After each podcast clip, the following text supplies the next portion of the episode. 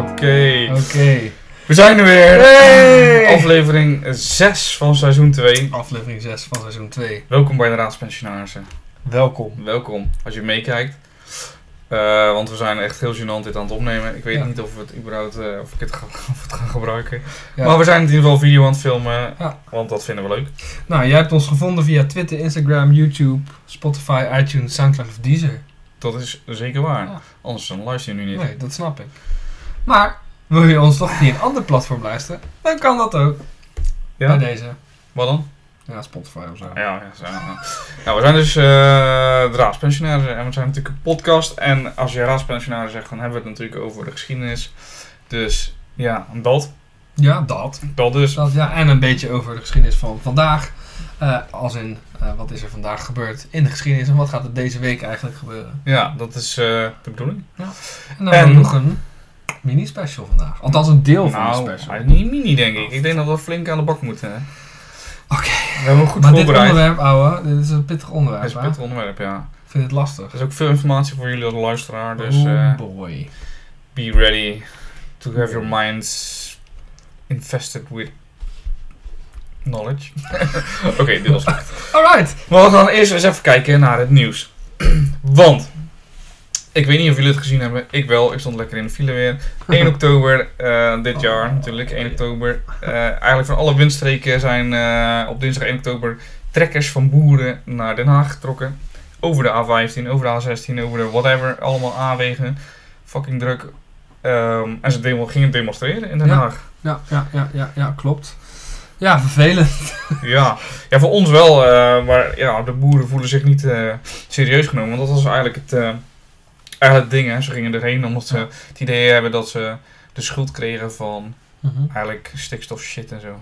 Stikstof shit en zo. ja, Ah, ja, ja, ja, goed. Ja, ja. Is ook, ja, Toch? Ja, eh, ze, krijgen de, ze hebben het idee dat er een negatief beeld wordt geschetst over boeren. En dat zij dus klimaatcrisis veroorzaken en dat soort dingen. Ja, ja, het is natuurlijk heel een beetje dubbel. Want ja, weet je, laten we eerlijk zijn, eh, stikstof is nou eenmaal door die sector wordt het nou het meest uitgestoot. En dat is super, super naar, want wij hebben die sector super hard nodig.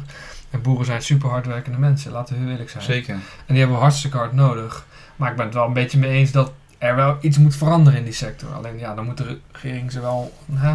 Dat doen ze ook wel, heb ik eh, gelezen. Hè? Ze hebben ook gezegd van joh, als er boeren zijn die over willen stappen, dan gaan we jullie helpen. En, maar dat, ja, dat komt niet heel veel voor in het, in het nieuws. Hè? Dat, dat zie je dan weer niet. Nee. Vooral alleen juist eh, de demonstratie hoor je heel erg hard. eh.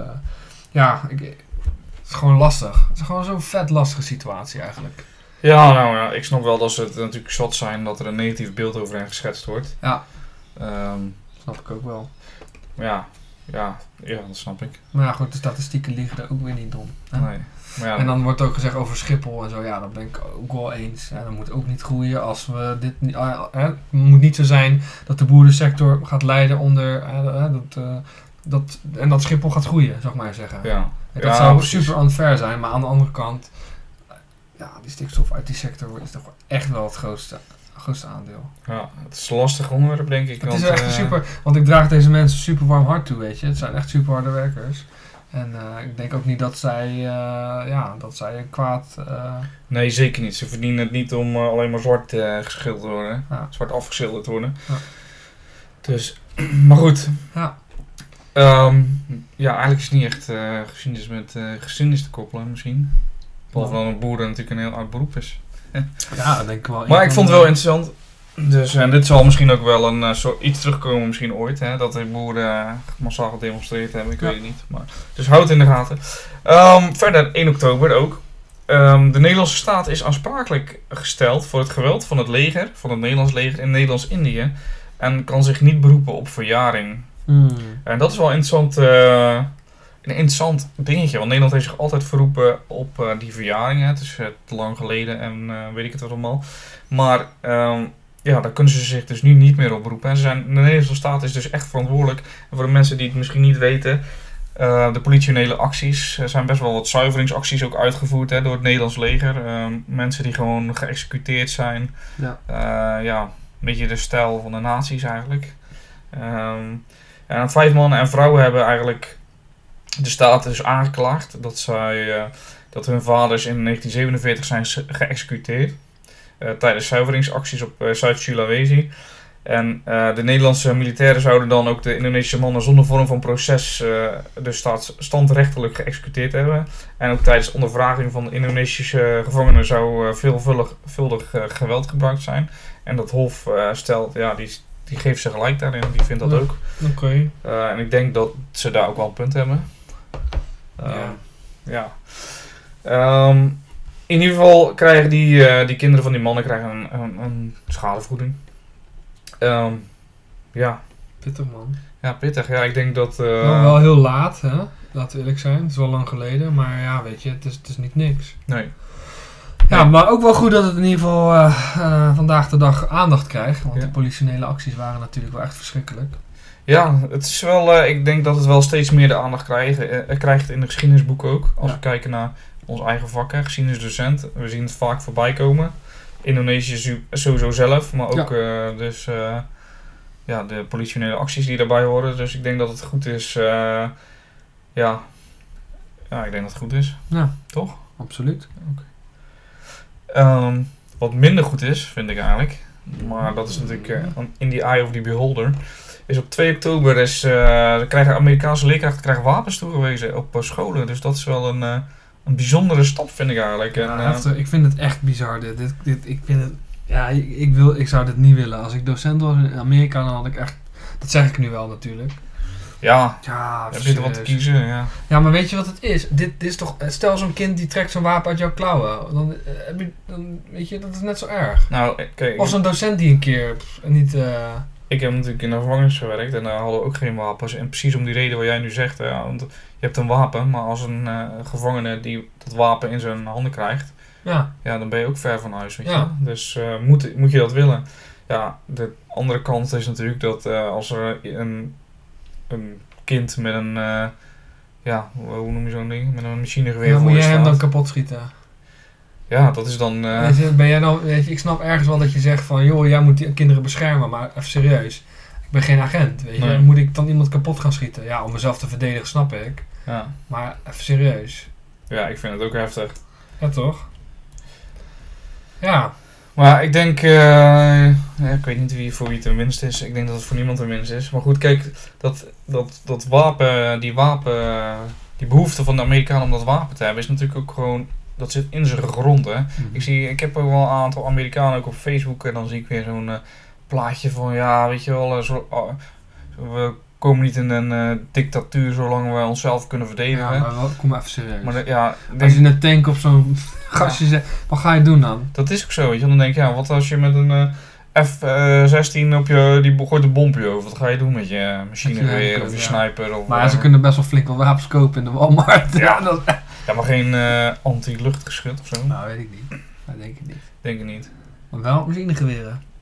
Ja. Ja, ik vind het... Uh, maar goed, ja, aan de andere kant... Uh, ik heb ook iemand gesproken die bij de politie werkte in Amerika. Ja. En die zei dan weer, weet je, als je...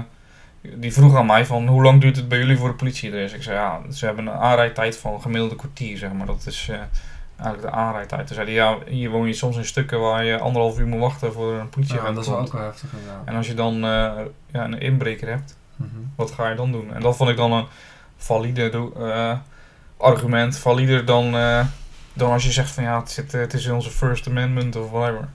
Ja, maar anderzijds, hier mag, mag je ook niks tegen. Ja, je mag jezelf beschermen. Hè? Maar wij Nederlanders zijn natuurlijk wel extreem, hè?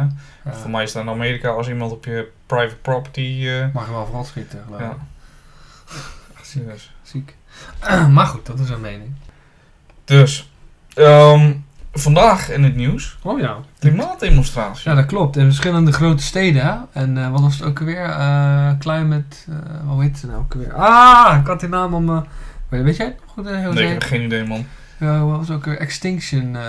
wat nog wat? Ja, was iets met een X of zo. Ja, Extinction. weet ik veel. Iets in die, die zin. Ja, ik vond het. Shit, ik, ik, ik, weten, ik kreeg zo'n Occupy, Occupy, weet ik hoe het heet, gevoel kreeg ik erbij. Ja, ja, ja. Met ja. tentjes ook en zo. Ja, ja, ja, ja. Ik weet het niet, ja. En wat vind je ervan? ja. Wat vind ik ervan? Ik ben nooit zo voor het verstoren van de openbare orde. Dat snap ik, maar het is wel ons recht, hè? Maar anderzijds denk ik soms moet je. Ah, niet het verstoren van de over, openbare orde bedoel ik met recht om te demonstreren. Ja, ja, ja. Nee, recht. Demonstreren mag altijd. Maar op deze manier weet ik het niet. Maar ander- anderzijds denk ik van ja, soms de grootste verandering krijg je soms door onorthodoxe dingen te doen, zeg maar. Ja. Denk als de African Americans eh, niet eh, op een bepaalde onorthodoxe manier hadden gedemonstreerd en zo, dan had, hadden ze misschien nog steeds onderdrukt geweest. Ik weet het niet. Dus ergens is er wel wat voor te zeggen, maar ik, persoonlijk zou ik het niet zo snel doen, laat ik het zo zeggen dan. ja, Ik- snap ik. Ik heb respect ervoor Maar dat ik vind we ergens ook zich wel... zo in willen zetten. Wat ik wel interessant vind is dat de hoek, hè, die hoek van protest zijn vaak wel geweldloos, tussen haakjes. Hè, want je weet wel snap wat ik bedoel, toch? Ja, Maar nu zie je dat ze ook steeds, eh, weet je, opstandiger worden. Ze willen steeds meer aandacht vestigen, steeds meer eh, confrontaties. Het is Ja. wel interessant te zien hoe dat zich ontwikkelt. Dat er steeds meer eh, druk op komt. Ja. In die zin, We hebben natuurlijk ook die, die Greta, hoe heet ze? Greta Thunberg. Ja. Thunberg, ja. ja. Wat vind je daarvan eigenlijk? Ja, ik vind dat echt een super tof. het echt knap. Want het is een meisje van 16. Hè. Ze heeft ook eh, Asperger, geloof ik. Ze heeft autisme ook. En eh, die, ja, die legt eigenlijk wel de vinger op de zere plek, zou ik maar even zeggen. Ja. Dat vind ik echt knap. Het is 16, hè? Ja, ja, ik denk dat het super knap is als je dan al voor zo'n belangrijke mensen. Misschien moet je ook wel 16 zijn om dat te kunnen, zeg maar. Misschien dat wij nu te veel. Stem staat een beetje over. Ja. Is een beetje ziek, volgens mij. Ja, morgen ben ik niet op mijn werk. Uh-oh. Nee, dat weet ik niet. Ja, ik denk het wel, maar.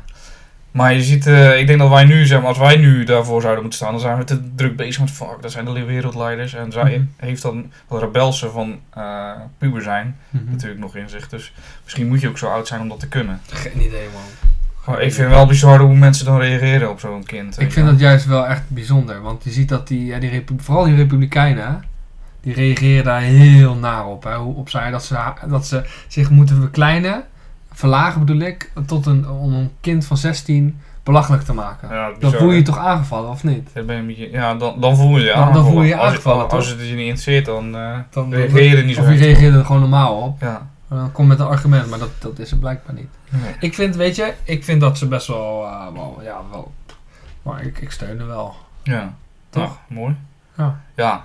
Ja, ik vind het ook wel, eh, eh, ik bedoel, zij mag, eh, mag ook gewoon een mening hebben, dus ik vind dat ze dat mag zeggen. En misschien heeft ze ergens ook nog wel gelijk. Nou, Ik zag wel, andere, ik zag wel andere plaatjes dat je bijvoorbeeld kindsoldaten ziet en die dan zo'n meme, weet je wel, van bitch please with your stealing my childhood, snap je wat ik bedoel? Mhm. Maar ja, dat vind ik dan weer zo appels met peren. Ja, is ook zo, want ze bedoelt het gewoon puur van, weet je, denk aan de kinderen die na ons komen. Ja, Daar stil je juist, ja, precies. weet je. Dus, Hé, hey, maar we vergeten een belangrijk iets, jongen. vertel. Elke, elke week eindigen we de show met een quizvraag. Ja, ja, nou vergeten. Ja, ik, ik, Oké, ik, ik, breng hem eventjes een beetje leuk terug, dat je denkt... oh, ja, Oké, nou, nou ja, go Nou, ahead dan, hè. nou ja, vorige- voor beginnen. Eh, je nee.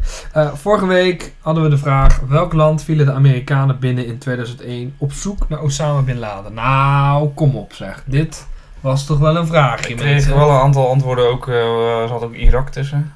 Oei, Dat klopt natuurlijk niet. nee. Want het was Afghanistan. Afghanistan. Ja, Nederland heeft er ook nog eh, Ja. gezeten. Onze maat Pascal heeft er ook nog gezeten. Heb, heb je ook nog wel eens foto's laten zien? Ja, Vet, foto's en... Ja, nou, vet. Nou ja, dat hij erover mee kan praten. ja, precies. Het is, ook- nou, het is bijzonder dat je zeg maar, iemand kent die zo daar, daar heeft gediend. Ja. En eh, ze hebben hem uiteindelijk gevonden natuurlijk, Osama Bin Laden. En eh, ja, hij leeft denk ik niet meer. Of ze hebben hem stiekem... eh, Nee joh, ja, je is- weet nooit, toch? Nee joh, die is kapot Ja, geschoten, is kapot geschoten? Ja joh. Goed, Afghanistan is nog steeds een zooitje daar. Hè? Het is Ja, niet opgelost nog altijd. Eh Taliban heeft nog steeds voet, in, de, voet in de aarde. Mhm. Hoe zeg je dat zo? Mhm. Nee. Wortels? Wortel? Nee, ik weet het niet. Maar in ieder geval, wat er wel grappig is, is natuurlijk dat de Taliban door de CIA is eh, bewapend en eh, getraind en alles. In eerste instantie wel, ja. Ja. Bijzonder is dat, hè? Ja. Dus dan zie je weer dat, eh ja, dat geschiedenis toch belangrijk is. Dat je weet van, hè, eigenlijk hebben de Amerikanen dat zelf weer veroorzaakt. In principe wel. Ja. Ja, en je had het net over hoe mensen gereageerd hebben op onze quizvraag. Ja, Maar hebben we ook nog luisterpost gehad deze luisterpost en best wel eh, grappig eigenlijk. Ehm, de eerste, eh, het eerste feit namelijk is, eh, Harry de Henks van, Oh ja, van Telekids. eh, Telekids. Ja, Ja. Harry, is- ik ga hem niet nazingen, ik zal het je niet aandoen. Harry de Henks, dat liedje, is ingezongen door niemand minder dan Welen. Ja, dat is wel bijzonder. De Welen. De Welen, ja. Maar toen was hij echt nog wel een stuk jonger Ja, natuurlijk. tuurlijk. Holy crap. Maar toen was hij echt een country boy, toch? Ja, voor mij wel. Ja, hij, was ook al, hij heeft ook echt een op, hij heeft geloof ik ook iets opgenomen met eh, Willie Nelson en zo. Dat is vet. Ja. Althans, misschien ben ik nu bullshit aan het verkopen, maar zoiets staat me bij. Ja, voor mij heeft hij wel... eh, Hij is wel echt naar Amerika Ja. geweest en heeft hij ook dingen opgenomen met bekende country artiesten. Ik dacht Willie Nelson. ja, dat kan. Maar, weet je, ik ben niet zo ver diep in de country, Nee, dus wie weet zeg ik wel iets fout. Verbeter me alsjeblieft als dat zo is. Ja. Ehm, eh, andere opmerking was gewoon eigenlijk een leuk grapje. En dat ging over eh, wat we nog meer van Plato hadden. En het zijn de plateauzolen. Jongen, jongen, jongen, jongen. De plateau. zo, snap Ja, ik snap het. Oké. Die zijn alweer plat. Ja, Zo, dat stik me aan, hoor. ja, shit. man. Oké. Ehm, en nog eh, een, een laatste dingetje. En deze vond ik ook wel fucking vet. Dat een scroll uit eh, Pompeii binnenkort weer leesbaar is. Vet, man. Dat is wel vet. Boodschappenlijstje werden. Ja, ja precies. Maar sowieso wel heel vet dit. Ja, toch gaaf dat we het- dat ik vind het echt vet. kunnen Ja. reverse engineeren. Dat we dat weer kunnen lezen. Oh. Ik ben erg benieuwd wat erop staat eigenlijk. Ook, man. Misschien is het gewoon een eh, eerste straat links, tweede straat rechts eh Ja. routeplanner of zo. Maar dan nog is het vet. toch? Ja, me niet uit wat er staat. Nee, eigenlijk niet. Ja, benieuwd. Dus dat is super vet. Ja. Ja, misschien staat er wel op van... eh, ja, volgende week gaan we lekker lunchen. Bijvoorbeeld. Ik ben wel benieuwd waar dit naartoe gaat. ja, als we dan toch naar volgende week gaan kijken. Was die goed? Was die oké? Ja, is oké. Vertel, vertel. Ehm, vandaag 7 oktober.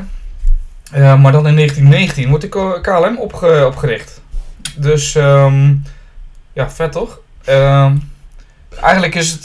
De KLM is opgericht eigenlijk ehm, om de Britten voor te zijn, zeg maar. De Britten wilden eerst een, eh, soort luchtvaartmaatschappij ook in Nederland oprichten.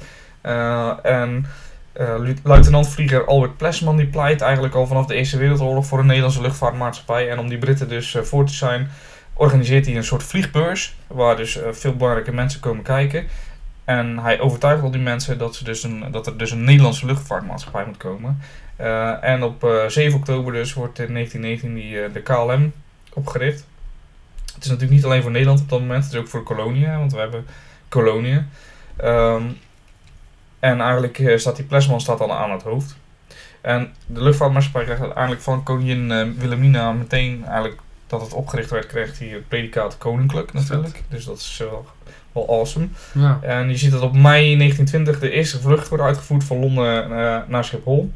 En vier jaar later wordt de eerste continentale vlucht gemaakt naar Batavia, wat tegenwoordig dus Jakarta is natuurlijk. Eh retour ticket kost omgerekend 20.000 euro. Zo. Ja, maar de reis duurt dan ook 14 dagen. Dus het is niet, eh, je bent dus 20.000 euro kwijt en ben je wel 14 dagen onder de pannen. Vet man, maar ik zou echt niet durven. Nee, ik... Holy eh, crap, 1919, hoe zagen die dingen eruit dan, die vliegtuigen? Ja, dat waren gewoon ja, veel niet echt geavanceerde ik, ben shit. ik, ga ze, eens- ik ga ze eens googlen. Ja, dat moet je doen. Ik heb wel foto's gezien. eh, de eerste vlucht werd uitgevoerd met een Havilland TH-16. Mocht je dat het zeg maar niet zo. Ja, ga, eh, ja, willen ga ik eens doen. Leuk. Dus ja, dat moet je even doen. Ehm, in 1932 is eh, wel grappig, kom, komt de eerste steward aan boord. Een boordwerktuigkundige, zo, een boordwerktuigkundige die de catering aan boord regelt. Oh, daar is je link. Heeft het, hij duurde even. Wat? Oh? Heeft het zelf weer vergeten. Ja man, dat gaat veel te snel voor mij. Alright. Ja, de volgende. De volgende, ja, doe maar afstand, jongen. Because I'm, I'm rolling in. Nee. Go. Ehm, nou ja, op eh, 7 oktober 1840, dus dat is eh, relatief eh, niet zo heel erg lang geleden, laten we eerlijk zijn. Ook ik zie we een camera aangaan en bedankt, uh, ouwe. Nou, op 7 oktober 1840 deed dus koning Willem I troonafstand eh ten gunste van zijn zoon. Hè? Ehm, en een maand later ongeveer zie je dat Willem II ingehuldigd wordt als, eh, als koning. Hè? Ehm, nou ja, Willem, de- Willem I, koning Willem I staat eigenlijk wel bekend als een au- autocratisch eh, hè, koning. Hè, werd autocratisch bestuurd. En eh, onder hem waren eh, ministers vooral, nou ja, dienaren is niet misschien het goede woord, maar ze zijn wel eigenlijk onder hem. En eh, zoals je weet, in 1830 eh, is er de Belgische afscheiding. En veel meer mensen, en je ziet ook als je in die tijd kijkt, ook in het onderwijs, zie je dat er veel meer behoefte komt aan volksvertegenwoordiging. En in die zin ook in Nederland. Eh, dus langzaamaan zie je dat die ministers steeds meer verantwoordelijkheden moeten afleggen aan het parlement. En zeg maar, na die afscheiding van België zie je dat koning Willem nog vooral onder druk staat. eh, en eh, zie je het te debben? Nee, nee, nee. ja, ja. Nou, en, en, en na eh, ja, die Belgische afscheiding zie je dat Willem de Eerste nog wel veel financiële dingetjes heeft lopen, zal ik maar even zeggen. En ja, hij zag er niet zitten om hele heftige hervormingen door te voeren. Maar ook, en dat is wel interessant, eh, in 1840 stemt hij natuurlijk met tegenzin in eh, voor een grondwetherziening, wat wel heel belangrijk is. Hè? Eh, Thorbecke, et cetera, die daar een rol in hebben gespeeld. Ja, ook wilde hij trouwen met een, een half Belgische katholieke gravin. Holy crap. Dus dat was ook een reden dat hij dacht, ja, weet je wat, ik, ga wel, ik stop er gewoon mee, want ik wil lekker met haar, met z'n tweeën zonder schoenen over het strand heen rennen. Ik maar even zeggen. Ja, de gravin heet Henriette de Ultramont de Végimont. Ik heb Daar geen heb je op geoefend, man. Nee, echt niet. Shit, dan moet je wel Nee, echt niet. En ja, hij wilde haar met de trouwen, maar dat is logisch natuurlijk dat dat heel erg veel eh, problemen zal Ja, opleveren. sowieso natuurlijk Ja. omdat ze Belgisch was. En, eh, en ook nog eens Rooms-Katholiek. Want Nederland is natuurlijk protestants in die tijd zeker. Dus Ja. eh heftig En, ze was ook geen prinses, dus dat was ook nog wel een nee. dingetje. Maar goed, na 1840 dus, hè, eh, na zijn abdicatie, kon hij dus lekker met de trouwen. Kon niet doen wat hij wilde. Ja, en hij is ook stiekem getrouwd met haar in, eh, in Berlijn. Vet. Ook Berlijn ook nog eens. Ja, Ja. vet. Vet. Ja, Berlijn was niet zo'n ramp toen nog, nee, toen maar, nog niet. Nee, dat is waar. maar België wel. Dat was natuurlijk, Ja, België eh, was wel een ding. Was wel, eh, ja, Ja. we zijn toch een soort van kwijtgeraakt ja, eigenlijk. klopt. Er kwam ook wel een klein beetje... Ja, een beetje zo. We kwamen natuurlijk in opstand. precies. Ah. Ah, nice. Kijk, dat soort dingen. Dus ja, en eh, nou, wie er nog meer in opstand kwam, Bam, komt die. 8 oktober 1967, zien we dat Che Guevara, Zeker verder. die Gu- die Guevara wordt in Bolivia gevangen genomen. Ehm, ja, en hij verblijft eigenlijk al enige tijd in de Argentijnse ambassade in Guatemala en vertrekt dan naar eh, Mexico. Ehm, wacht even, dat klopt niet. Grappig, nee, hij wordt gevangen genomen, maar wie is Che Guevara nou? Hij eh, verblijft eigenlijk eh, dus op die Argentijnse eh, ambassade, maar hij voegt zich bij Raúl Castro om natuurlijk, ja, hij wil Cuba onafhankelijk maken, of onafhankelijk, hij wil het communistisch maken, hij wil af, van de westelijke invloeden van Amerika bijvoorbeeld, die zorgt voor veel corruptie, ja, dat zie je natuurlijk vaak terugkomen. Dus hij sluit zich aan bij, bij eh, de Cubaanse ballingen eh, die hem vervolgens voorstellen aan Raúl Castro. En dat is natuurlijk de jongere broer van eh, Fidel Castro. Ja, is hij uh, recentelijk overleden, Fidel Castro? Nou, een tijdje geleden. Een tijdje geleden al, hè? Ja. Ja. Hij wordt dus al snel lid van de guerrilla-beweging van Castro. Ehm, en eigenlijk die beweging probeert sinds 25 november 1956 een revolutie in Cuba op gang te krijgen. Ja. Ehm, ja, eigenlijk zie je dat, eh, dat er veel strijd is tussen eh, natuurlijk het regeringsleger en, eh, de, en, de, en de rebellen. Ehm, en op een gegeven moment zie je dat er zo'n twaalf leden van die beweging nog kunnen ontkomen aan het, aan het regeringsleger. En ze gaan eigenlijk de bergen in. En Castro en Guevara die, die zitten daarbij, hè, bij die twaalf die het overleven. Die, het, die zich kunnen hergroeperen na een gevecht. Ze komen in de bergen en ze, ze recruteren nie- nieuwe leden.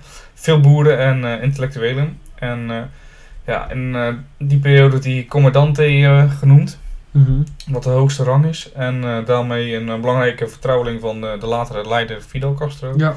Ehm, en de leden van die beweging ook, die zijn eh, einde 1958 zijn ze klaar voor een nieuwe poging om de revolutie te ontketenen in Cuba. En Guevara leidt de tweede kolonne in een opmars naar Havana, Havana. ja, de Cubaanse hoofdstad. Ja.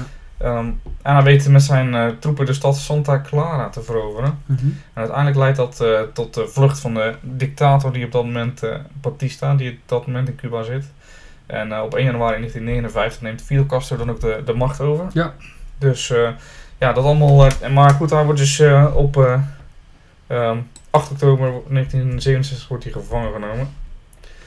in Bolivia. Ehm, Ja, dat is een stukje daarna en natuurlijk. dat is een stukje daarna, ja. Ja. Dus eh, ja, ik vraag me af of eh, mensen die zo'n ding op zijn shirt. eh, weten wat er speelt. wat ja, daar ben ik, ja, ja, ja, ben ik met je eens. Ja, Wat hij eigenlijk allemaal gedaan heeft. ik denk het niet. Maar hij, hij staat natuurlijk symbool voor vrijheidsstrijder. Hè? Ja, Maar ja, hij heeft ook dingen gedaan die... niet oké waren. nee. Amerika overigens die nog geprobeerd heeft om de macht te herstellen daar met de invasie in de varkensbaaien. Mhm. Maar doordat ze de, voor mij was het met de klok of zo, die, de Amerikaanse klok liep twee uur voor of twee uur achter, waardoor, nee twee uur achter, waardoor de luchtaanval dus eh, niet tegelijk ging met de grondaanval. Ah, En dus heel die nou? eh, revolutie, die co- contra-revolutie weer mislukte. Lekker, ah. lekker knullig. Ja, een beetje wel. Ja. Beetje wel, ja. Dus, Sta je dan, sta je dan? Inaki? Ja, met je broek op je knieën. Ja, precies. We zijn goed bezig. Ja, toch? Ja, deze is eh, wel vet, vind ik. Oh. Want op 9 oktober 1967 was er voor het eerst een naakte vrouw te zien op de Nederlandse televisie. Het ging om de 21-jarige kunstenares Phil Bloom. Of Bloem, ik weet niet of het een Nederlandse of een Engelse naam heeft. Maar eh, Phil Bloom poseerde op die dag eh, dus naakt in het eh, VPRO-programma Hoepla. Ik ken het niet, maar eh, misschien ben ik iets te jong voor dat eh, programma. Maar ze werd daarmee eh, wel een van de Nederlandse iconen van de, eh, ja, van de vrije jaren 60. Hè? En Ja. eh, ja, er waren ook kamervragen over en eigenlijk ehm, ja, liet ze het een beetje gaan. Behalve dan dat ze vonden dat het eigenlijk niet na het kinderuurtje kon. Nee, dat snap ik ook Ja, wel een Dus beetje. dat eh, was wel ook wel logisch. Maar het zorgde ook voor veel beroering, onder andere in het buitenland bijvoorbeeld. Oh. Dus ja, die waren ook allemaal shocked natuurlijk dat er een naakte vrouw op televisie kwam. Kijk maar uit. Ja, Ja, andere tijden. Ja, andere tijden. Maar, dat gezegd hebben, dan moet ik eerlijk toegeven dat het nu ook weer minder wordt. Vind Ja, niet? ja, ja, het wordt wel iets minder, ja. Als je kijkt naar, eh, hoe heet die? Die, die Dick Maas films bijvoorbeeld. ja. Er werd constant in, eh, constant wat een afgeketst en, eh, Vermoord. En, en, en naakt en... Mhm. Ja, er was geen film, was Nederlandse film was compleet zonder een seks. Ja, maar er was ook een keertje dat we een film op, op, op het werk hebben we ook een keer een film gekeken. Popo's was dat, geloof Ja. ik. Nou, dan zie je op Netflix staan eh, dat het bijvoorbeeld eh 12 jaar ouder is. Ja, En als je die film kijkt, denk je in hemelsnaam, waarom heb ik dit in hemelsnaam aangezet? ja. De dingen die daarin gebeuren, de grappen die worden gemaakt, zijn eigenlijk helemaal niet passend. Nee, dus eigenlijk klopt die kijkwijze dan niet. Nee, maar dat is toch bizar, toch eigenlijk? Ja, ja. Eigenlijk Ja, van tevoren al weten over een Ja, film. maar goed, ik ga die film toch niet kijken, man. Nee, ja, dat, Dat dat was snap ik wel. ook, joh. Jongen, jongen, jongen. Ik heb het niet gezien, man. Echt niet te filmen. dit. Jij stond toen bij mij in de klas. Ja, klopt. Ja. What a, what a movie. Anyway, Ja. ja. Ja, ja, het was een beetje... Die dag was ook gewoon klaar. Het was gewoon Ja, voltooid klopt. eigenlijk. Voltooide dag was het. Klopt, je moest gewoon even een eh, stuk doorbreken. Ja. Nee, dat slaat echt aan. Nee, dit was een slechte. Maar het is wel interessant, want op 10 oktober 1913 ehm, wordt het 81 kilometer lange Panama-kanaal Panama kanaal Panama. voltooid. Panama. Panama. Panama kanaal. Nou, het is niet, natuurlijk niet alleen maar bekend om de Panama Papers. Er is natuurlijk het kanaal wat natuurlijk de twee oce- grote oceanen verbindt. hè, eh, de Atlantische Oceaan en de Stille Oceaan. En eh, Woodrow Wilson, die we ook kennen van de Eerste Wereldoorlog, hè, die, eh, die bracht die verbinding officieel in het Witte Huis. Dan ging hij dat presenteren. En ja, het, de, de officiële opening was dan in augustus 1914. Nou ja, goed, 1914, Woodrow Wilson. hè. Ja. Maar goed, eh, bijzonder, want op die manier konden dus ook schepen van de ene oceaan naar de andere. En hoefden dus niet helemaal naar het zuiden. ja via Dat het was echt- zuiden. ja, maar dat was eh, echt verschrikkelijk ver, hè? Ja, het scheelde geloof ik 40 dagen of zo. Ja, echt heel erg veel. Dus, eh, maar het is eigenlijk hetzelfde als je natuurlijk... Suez. ja, het Suezkanaal. Ja. Hè? Dus die verbindt gewoon ja, oceanen met elkaar. Waardoor je dus de helft van je reis minder eh, hoeft te doen. Wat Ja. natuurlijk economisch gezien echt super belangrijk ja, is. Ja, absoluut. absoluut. Dus eh, Dus Panama heeft daarmee een eh, ideale rol in, het, eh, ja, in de wereldeconomie. ja, maar ja, die zit natuurlijk in de zak van eh, Amerika. Ja, Dus eh, klopt. Dat is 81 wel- kilometer trouwens, Panama kanaal. Leuk, eh, toch? leuk voor Scrabble. Oh, oh nee, Scrabble niet. Nee. Whatever. Ah. Leuk eh, feitje voor op een verjaardag of zo. Ja, ja, maar, ja, het is leuk om te fuseren dan. eh, Ja, met een spelletje. Een samenvoegen. Ja, precies. Wat ook samenvoegt, hè? Ja.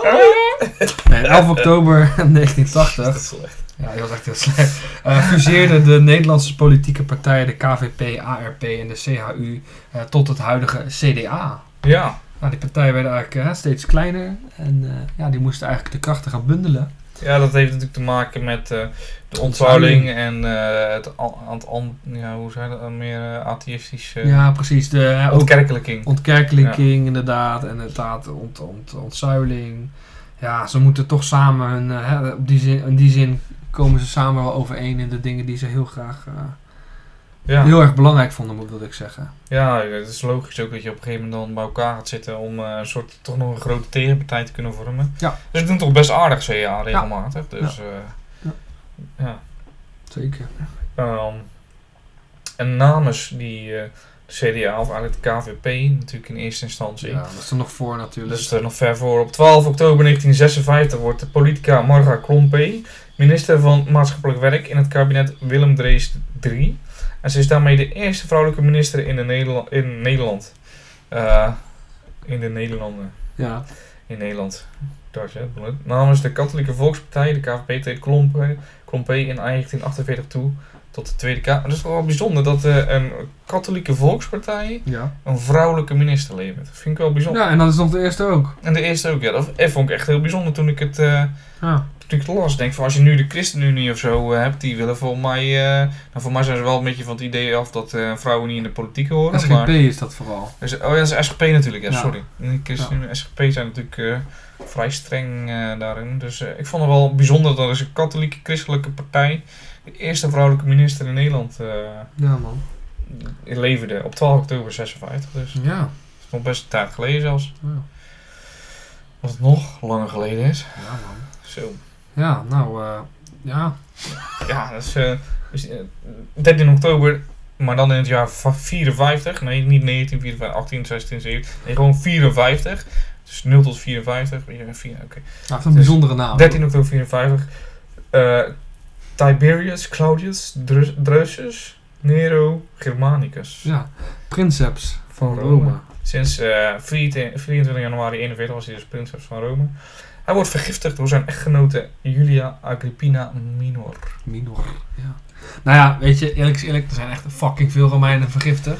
Dus eh in Ja, het is niet echt het eh, is niet iets nieuws, hè? iets nieuws, maar Maar zijn naam vind ik vooral interessant, hè? Dat eh, Germanicus. Dat wil zeggen dus eigenlijk dat hij toch waarschijnlijk ook in in Germanië heeft huisgehouden. ja. ja, misschien zou die er niet gewoon vandaan komen zelfs. Een soort van eh, Romein uit Gallië? Ik denk het niet. Ik denk het niet. Nee? Nee, ik denk het niet. Zou het vooral zijn voor zijn Germanicus, ja, dat heeft, is echt een titel ook. En dan, ja, hij is echt. Germanicus. Hij is degene die die Germanen waarschijnlijk eh, verslagen heeft. Ja, Kan het ook mis hebben. Dat zou zeker wel. ja. Ja dus dat komt wel vaker voor, ja, missen. Ja, dat is zeker waar. Zeker Ja. waar. ja, dat mag ook, hè? Ja. Dat zeg ik al tegen mijn leerling. Dat mag ook. Ja, je mag ook een keer mis hebben. Ja. Maar eh, grappig, ja, het is inderdaad niet de enige Romein natuurlijk die eh, Ja. vermoord is door zijn vrouw of eh, volgelingen. Ja, klopt. Ehm, Maar de volgende is wel echt een heftige. En dit heb, heb ik altijd eentje eh, die ik heel erg interessant heb gevonden. En er is ook een film over geweest. Ik weet niet hoe de film heet, maar ik heb hem wel gezien. Het is namelijk 13 oktober 1972. Dus dat is wel even geleden. Ehm, het is de Andes vliegramp. En de Andes vliegramp is interessant. Want daarbij eh, is een eh, vliegtuig van het eh, Fuerza Aérea Uruguaya vlucht 571 is neergestort in de Andes, in Andesgebergte. En nou hoor je wel vaker dat vliegtuigen neerstorten, maar deze staat bekend als een ramp dat de inzittenden, de inzittenden die hebben het overleefd, althans niet allemaal, eh, en die moesten overleven in de, in de ijskou op de berg, de bergen. En eh, ze moesten dus 72 dagen zien te overleven in die, die omgeving.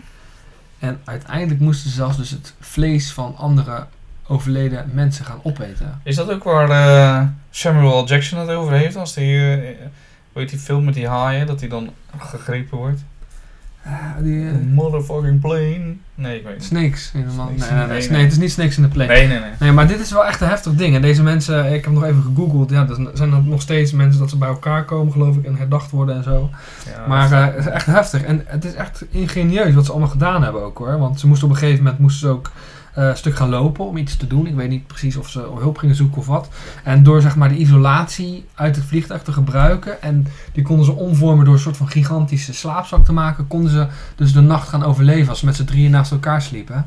Daardoor bleven ze warm. Dus dat is echt super bijzonder daarachter. eh. Ja man, maar dat is echt gewoon de noodzaak hè, als Ja. mens zijn. Dat je toch wil overleven, moet je wel. En dan Hey. zie je eigenlijk ook hoe ingenieus wij als soort eigenlijk zijn. Dat vind ik interessant. Ja, ja, ik weet niet of ik neer zou, ja, misschien als ik neer zou storten dat ik eraan zou denken, maar niet iedereen natuurlijk. Maar aan de andere kant, ja, de overlevingsdrang is natuurlijk wel heel hoog. inderdaad. soort, Dus eh. dan, vandaar dat ze ook die, dat vlees aten van andere Dat lijkt me echt super heftig om eh Zeker. vlees af te moeten Maar je, ja, maar je moet wel. Ja, op een gegeven Je, moment. je moet wel. Ja. Weet je, ze hebben het niet meer, ja, klinkt heel lullig, ze hebben het niet meer nodig. Nee, En zij zouden het denk ik ook niet erg vinden, laten we eerlijk zijn. nou ja, true. true. Toch? Nou ja, ik weet niet, als je kijkt naar eh Geloof het donorregister, dan... Ja. Eh, ja, even serieus. Hoeveel Ja, mensen Ja, zeggen van ik wil het niet. Wat hun recht is natuurlijk, maar in feitelijk gezien zouden ze het niet meer nodig hebben, maar toch willen ze het niet afstaan. Ja. Dus, klopt. Woe! Zijn we er doorheen, jongen? Ja. Ja, nou, we zijn, we zijn net begonnen, hè? maar dat bedoelde ik. Oké. Doorheen, door deel 1. Well, holy shit, we gaan nu gewoon verder met eh, het hoofditem, eh, Ja. China. Ehm een minder stukje eigenlijk van ons verhaal. Hebben we Ja. vorige keer gehad over eh, Confucianisme. Ja, Door meester Kong natuurlijk. Die, Confu eh, Confucius. ja, meester, ja, hij heet de meester Kong, maar uiteindelijk een westerse, westerse naam. Ja, in het eh, noemen we hem Confucius. Inderdaad. En die leefde van 551 tot 479 Ja. voor Christus. En hij woonde in eh, Zongguo, oftewel het Rijk van het Midden, zo eh, noemden de Chinezen hun eigen rijk. En ehm, eigenlijk leefde hij in een periode van veel verwarring en onrust. Er was veel burgeroorlog en Ja. er was eigenlijk bij heel veel bevolking en bij hemzelf natuurlijk ook eh, een verlangen naar harmonie. Ja. Ehm, dus ja, je ziet eigenlijk eh, dat hij dus dat Confucianisme eh, ontwikkelt en zijn, zijn meest getrouwde, vertrouwde aanhanger, of ja, niet zijn meest vertrouwde aanhanger, maar iemand die zijn idee heel erg volgt, dat is dan meester Mengzu, oftewel Mencius. Mencius is dan weer de, de westelijke naam. Ja, een westelijke la- Hij, hij ontwikkelt dat Confucius... Confucius, God, allemaal. Confucianisme. Ja, dat ontwikkelt hij eigenlijk en hij eh, ehm, eh, verzint, of verzint, hij maakt de vijf deugden van het Confucianisme. En dat is eh, Li, en dat is eh, het juiste rituele gedrag. gedrag. Eh, dus je, alles zit met rituelen vast. Eh Yi, dat is het plichtsbesef. Dus ehm, ja, plichtsbesef, wat wil je daar nog voor zeggen? Eh, Ren is medemenselijkheid, oftewel Denk aan je medemens. ja, denk aan je medemens. Zong is loyaliteit, dus Ja. bijvoorbeeld aan de keizer of, eh, Ja. of je vader. Hè. Ja, ja, dat is ook heel belangrijk in de belangrijk. Chinese cultuur. Ja, dus eh, daar hebben we het vorige keer over gehad natuurlijk. En Xin, ik weet niet of ik het goed uitspreek, maar dat is oprechtheid en betrouwbaarheid. Dus dat zijn de vijf deugden van het Confucianisme wat eh Mencius eigenlijk daarin eh ja, inzet. Ja. En Mencius leefde van 372 tot 289 voor Christus. Dat is toch flink eh daarna. Eh, dus dat is een eh, ja, 100, Bijna ja, 100 bijna jaar. 100 nee, dat is 100 jaar daarna. 105 jaar daarna. En eigenlijk zie je dat vanaf de Han-dynastie, vanaf 206 voor Christus tot eh, 221 na Christus, tot aan de val van de laatste eh Qi, Qing, Qing Dynastie. Ja. dynastie in 1911, dat eh, Confucianisme eigenlijk de leidende ide- ideologie is van het land. ja. En eh, ze zagen eigenlijk de keizer en de ambtenaren zagen ze als hoeders van deze beschavingstraditie. dus dat is eh, eigenlijk het Confucianisme in, in China. Mhm. En die vijf deugden zijn gewoon super belangrijk. En daar zit natuurlijk ook die, waar we het vorige keer over gehad hadden, had hebben, zo'n soort driehoekje, dat je een plichtbesef hebt en eh, trouw moet zijn. En eh, die, vooral die trouw is dan van eh, meester op eh, onderdaan en man op vrouw. man naar zoon en oudste broer naar jongere broer, Ja. zeg maar. Dus die rolverdeling, dat zit er allemaal in. Ja. Leuke feitjes aan voor China is dat zij de, eh, de, de langst, of het oudste gebruikte schrijfsysteem ter wereld hebben. Ja. Hè, dat is ongeveer 1250 voor Christus Zo.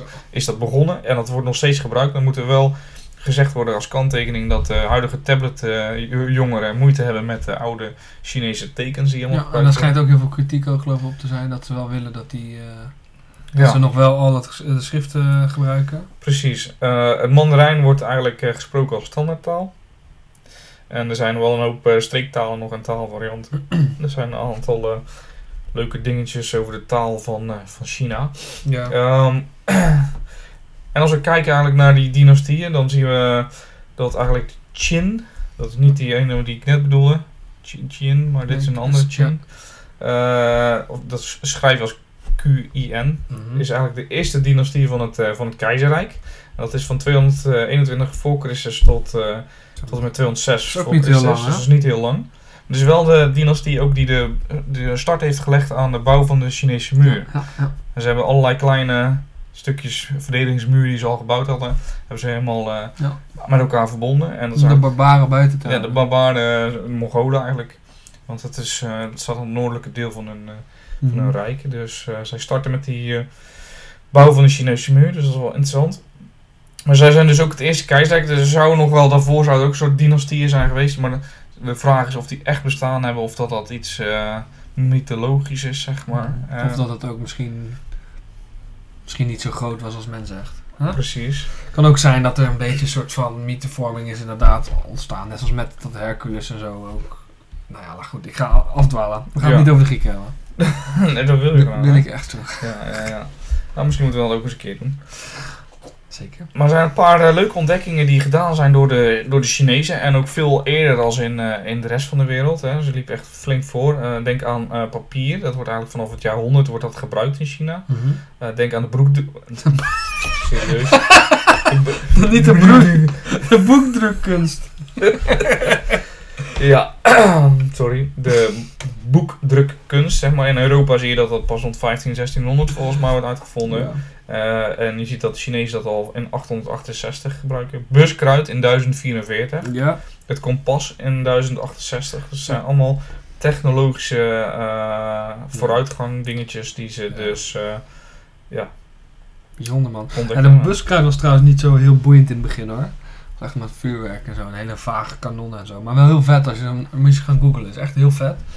Hele interessante bouwwerken maken ze ervan. Ja, dat is wel... eh, Maar dat kompas, hè, dat is wel echt een uitvinding, jongen. Ja, Het is wel bizar dat ze dat al... Dat, ja, oké, het is niet bizar dat ze de eerste zijn die dat deden. Maar, iemand moet deze. ja, precies. Dus, maar het is wel vet dat ze dat al hadden. Ja, precies. Ehm, als we kijken naar de verschillende dynastieën, Ja, ehm, dan moet ik heel even een, eh, een overzichtje eh, in het leven roepen van de verschillende. Want er zijn best veel dynastieën geweest, ja namelijk. klopt. En als je, hè, als je terugdenkt aan wat we vorige week hadden gezegd, hè, die, die, die, die cyclus, die, eh, hoe noemt het ook? Hemels mandaat. Ja, nou ja, die, die cyclus is hè, dat er steeds herhaling eh optrad. Hè, dat je in een tijd van voorspoed ging het goed. En dan was er een tijd dat het wat minder goed ging. En dan eh, vervielen. En dan kwamen er eigenlijk opstanden. Kwamen er eigenlijk natuurrampen. En zo zag je dat dan eigenlijk het hemelse mandaat van de keizer eh, ja, verviel. En dan mochten eigenlijk de, de burgers, want burgers, de onderdanen, mochten hem afzetten. En zo zie je dat er steeds, hè, dat, dat, dat die cyclus overnieuw begint dat er weer een nieuwe dynastie komt en dan eh, zie je dat hetzelfde gebeurt. En althans, zo zien de eh, Chinese historici dat dan vooral. Ja, Ja, ja, precies. Ik heb bijna, ik ja. ga nog even door, ik heb hem bijna gevonden. Eh, met een, spon- een sponsor tussendoor doen? ja, mocht je ons willen sponsoren, mag altijd. Ja, dat zeg ik nou even zonder dolle. Ik bedoel, eh, wil je iets gesponsord hebben? Nu zitten we echt vet aan het te maken.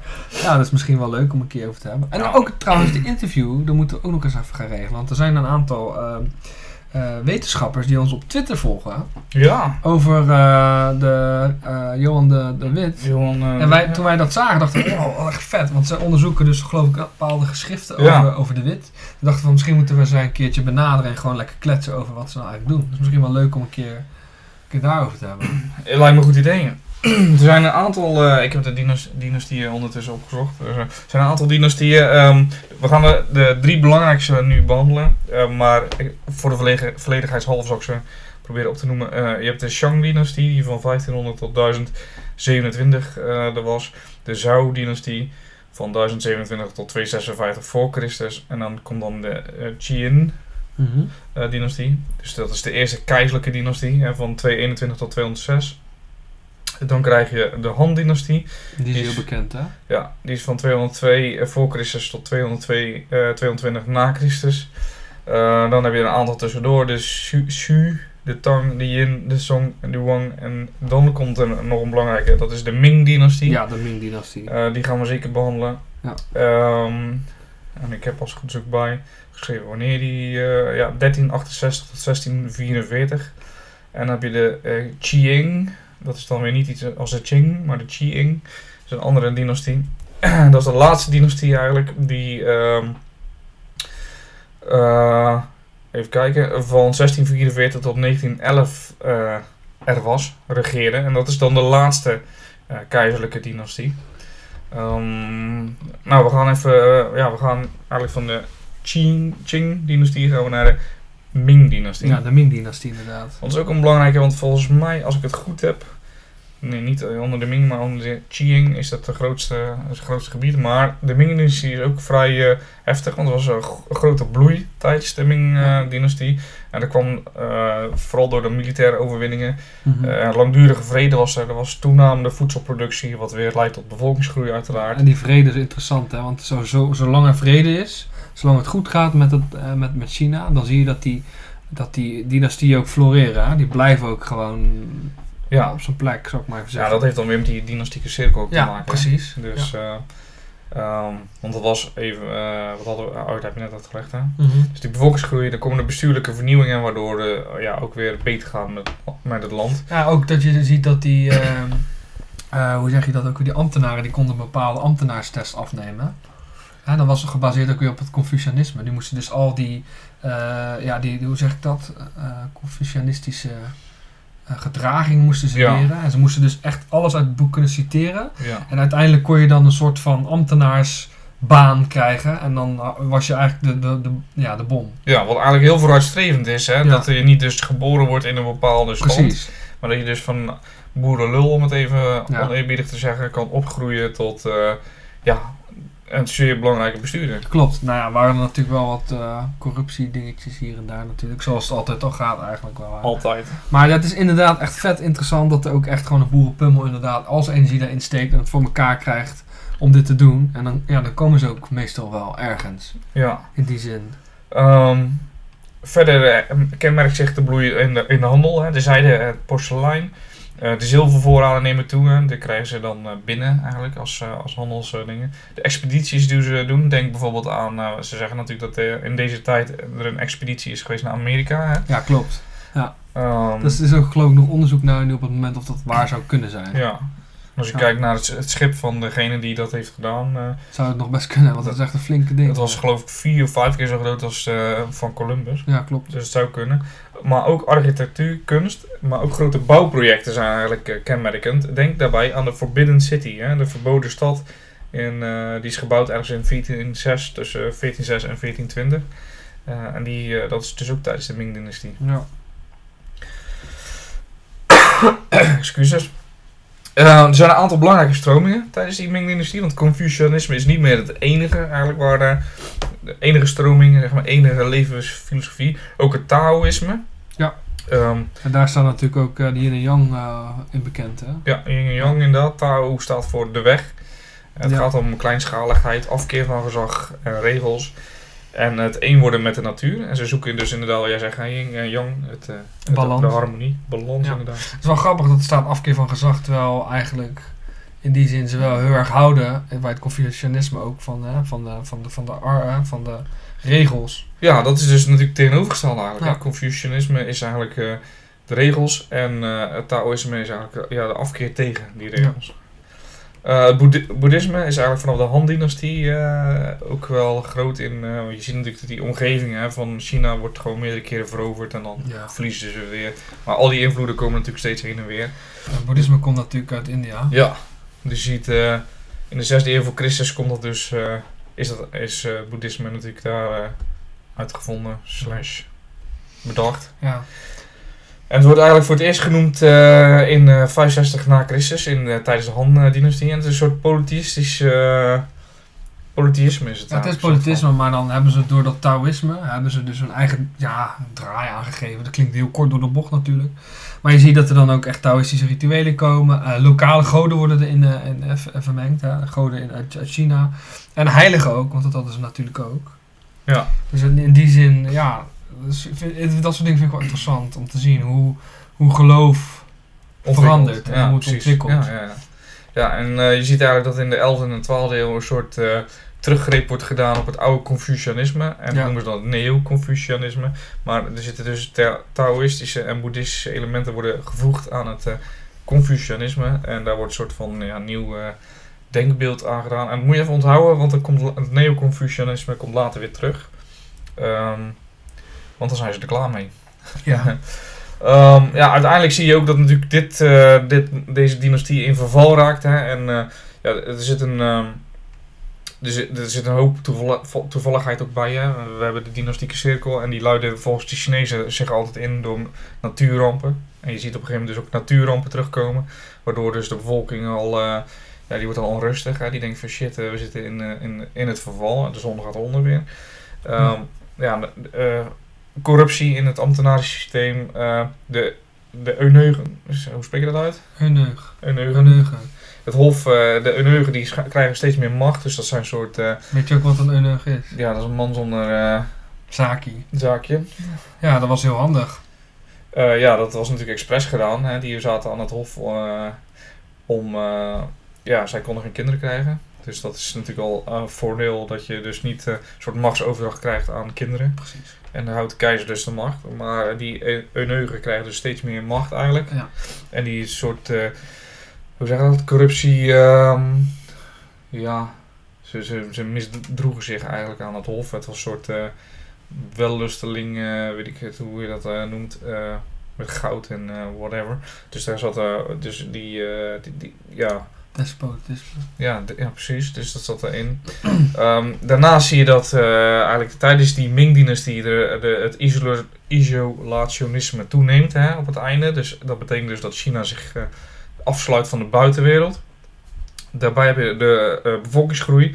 Die remt eigenlijk de technische vernieuwingen. Dus er zijn, er is zoveel, je bent zoveel bezig met de bevolking te voeden dat je niet eh, technologisch vooruit komt. Er was ook, was ook niet echt een behoefte aan, vooral. Hè, er waren zoveel mensen om te werken dat er geen behoefte was aan eh, te- technologische vooruitgang. Ja. In die zin was er dus niet zoals bij, bij Europa, was er behoefte aan industrialisatie om het te onderhouden. Maar dat was in China niet. Vandaar dat China nooit verder is gegaan dan, eh, althans tot aan de eh, 20e eeuw, met, eh, ja, met de industrialisatie. Dat is, Ja. dat is nooit in gang gezet, want dat was gewoon niet nodig. Nee, nou dat is wel een. eh, in, de, in de Qing, de laatste dynastie, is dat wel een soort van. eh, eh, een soort vraag van. eh, hoe kan het zijn dat zo'n land dus niet eh, die technologische vernieuwingen ehm, door heeft gezet? Soort, eh, hoe noem je dat? Zo'n eh, terugkerende cirkelvraag. Ik weet even, ik eh, weet even de naam niet. Maar eh, in ieder geval zie je dat op een gegeven moment dus die, ehm, ja, die Ming-dynastie vervalt. En dan komt dus de Qing-dynastie op. Ja. En dat is dus de laatste keizerlijke dynastie. De oorsprong van deze dynastie zit in het, eh, in het noordoosten van China. Uit het gebied wat de naam Manchurije draait, draagt. Dat kennen we nog steeds natuurlijk. Ehm, en de verovering van China wordt uiteindelijk bereikt doordat de Ming-dynastie geconfronteerd werd met een lange reeks van misoogsten. Nou, dan zie je weer dat eh hemelsmandaat uit dit cyclus Ja, terugkomen. Die cyclus die, zie- die zie je weer verschuiven inderdaad. Dus je ziet, dat, ja, je ziet die misoogsten. Betekent hongersnood uiteindelijk. Ja. Betekent dat mensen geloven dat de macht van de Mhm. keizer voorbij is. Ja, en dan komen de boerenopstanden, een rebellie en het land. En dan zie je uiteindelijk dat het makkelijker wordt voor die Xing-dynastie om ja, de macht eigenlijk over te nemen. Ja, en je ziet eigenlijk dat eh, op het moment dat Peking is ingenomen, dat het nog zo'n 40 jaar duurt voordat eh, ja, de Qing eh, en eh, het hele land hun macht hebben geconsolideerd, om het zo maar te zeggen. Er zijn, er zijn een drietal periodes in die Qing-dynastie. waarbij de omvang van het rijk eigenlijk verdubbelt in vergelijking met dat van de, van de Ming-dynastie. En de huidige Volksrepubliek is wel grappig, die ontleent dan ook zijn grenzen nog aan die dynastie. Dus zij vinden dat de, de grenzen van die dynastie, wat veel bre- breder is als eh, het huidige China, dat dat eigenlijk nog eh, hun grenzen China zouden wordt. moeten zijn. Ah. Ja. Ehm, Bijzonder. ja, dat is bijzonder, ja.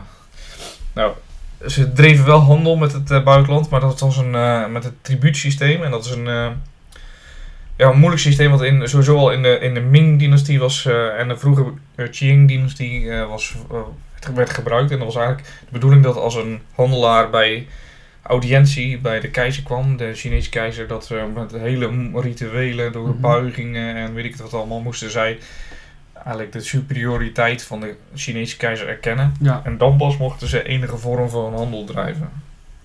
ja, eigenlijk moesten ze gewoon laten weten dat de Chinese keizer de machtigste in de wereld was. Ja, want dat vonden de Chinezen natuurlijk ook, hè? Ja, dat vonden ze ook. Dat hij eigenlijk de keizer was van al het land. dat was ook... Alles eh, onder de hemel ja, eigenlijk. precies. Dat was ook precies... eh Wauw, het lijkt wel van... Samen op dezelfde school hebben gezeten. Ja, mooi. Ehm, in ieder geval, eh, op een gegeven moment wordt dat systeem, dat tribuutsysteem wordt dat vervangen. In eh, 1757. Eh, en dan besluit een, een keizer in de Qing-dynastie besluit dat het kanton, dat kanton de enige haven zou worden waar Europese handelaren handel konden drijven. En dat noemen we dan het, eh het kantonsysteem. Dus er zijn geloof ik eh, een aantal eh, districten zijn erin hè, voor alle landen een klopt. bepaald district. Ja, in eerste instantie mocht je als buitenlander niet China in. Tenzij je daar verbleef, als ik het goed begrepen heb. Ja. Eh, mocht je er wel blijven, maar dan werd je Chinees. Althans, met qua kleding, rituelen, maar je mocht nooit het verlaten. Eh, en in die zin is daar een soort, soort van einde aangekomen in de, dit, eh, deze tijd. En Ja. eigenlijk daarmee luidt het al de eerste eh, scheuren in het oude China in. Hè, door de komst van de Europeanen. Ja, je ziet ook op een gegeven moment dat de Chinezen een soort teruggreep doen naar het oude Confucianisme. Dus niet meer neo-Confucianisme, maar het oude Confucianisme. Ja, ik, ik moest gelijk denken aan de Renaissance, hè, waar je op we teruggrepen. Ja. Mm, ehm, op het, op het, op het Ja, Romeins-Griekse denken. klassieke oudheid. Klassieke oudheid, ja. Eh, dus dat, eh, daar deed ik dus een soort Chinese renaissance, dacht ik aan eigenlijk. Maar ook hier zie je in de Qing-dynastie zie je een verval komen. Ehm, en er, zijn, er is nog niet helemaal, zeg maar, geen eenduidige conclusie over door de historici. Hè. Daar wordt nog eh, flink over gespeculeerd hoe of wat. Ehm, een aantal eh, historici die, eh, die, die geven aan dat de gemiddelde levensstandaard eigenlijk in de 18e eeuw in China veel hoger was dan Ja. die in, in West-Europa. Ehm, en dat wordt afgeleid aan, eh, niet, aan, het, aan de consumptie van niet-essentiële zaken. Ehm, en dat dat in China per hoofd van bevolking aanzienlijk hoger was. Wat dus betekent dat je meer geld hebt. En dus dat dan eigenlijk de levensstandaard omhoog is. Ehm, dat veranderde eigenlijk ten tijde van de, van de aanvang van wat eh, aangeduid wordt als de grote divergentie. Begin 19e eeuw. En dan vanaf, vanaf dat moment zie je eigenlijk dat het Westen een voorsprong begint te nemen. Een Ja. aanzienlijke voorsprong op, eh, op China. En dat is waar we het net ook een beetje om hebben gehad, hè, over hebben gehad. Dat eigenlijk het Westen China inloopt. Ja, want op een gegeven moment dan zie je dat, hè, dat China die, die past zich niet aan aan die industrialisatie en het, het Westen wel, wel. En dan zie je inderdaad dat er steeds grotere verschillen komen. Niet alleen qua macht, maar ook qua handel en ook qua ja, wapens, zou ik maar even zeggen. Want China heeft al lang gedacht dat zij heel erg de machtigste waren, maar eigenlijk in de 18e eeuw was dat al een beetje klaar. Ja, sinds de industrialisatie in het Westen. Hè. Ehm, en daar kom- daar komen we volgende week op, op de opiumoorlogen. Ja. En eh, eigenlijk de val van eh, eh, China en het, de opkomst van, van, van China wat we nu kennen. Ehm, het is wel onomstreden dat eh, aan het eind van de 18e eeuw al duidelijke signalen kwamen dat, eh, dat het systeem begon te falen. Hè. Het, het politieke systeem vooral hebben we het dan over. Want vanaf 1780 wist de vertrouweling eh, van, van een bepaalde keizer een ongekende machtspositie te bereiken. Ze creëerden een, netwerk van patronage en cliëntelisme. Mhm. Dus eigenlijk dat, ja, gewoon een soort gangsterachtige, ja toch? Gangsterachtige shit. Eh, waardoor er dus ja, hoop corruptie, afpersing, verduistering, dat soort dingen allemaal plaatsvinden. Ja, want dat komt natuurlijk niet te goede van een, eh, van een land. Eh, en je ziet eigenlijk dat er een, heel veel secten en geheime genootschappen ontstaan. Mhm. Er ontstaan ook een aantal eh, opstanden. Ik heb er drie eh, opgeschreven. Ja, maar die, die laatste, die Ja. moeten we denk ik eigenlijk volgende week doen. Zullen we die volgende week Die doen? is het beste, denk ik. Dus houden we die nog even een beetje duister. Want dat is echt wel eh 19, eh, 19e eeuw. Oké, die laten we Die, volgende ja, maar dat is ook een leuke. Dus Ja. dat is wel interessant.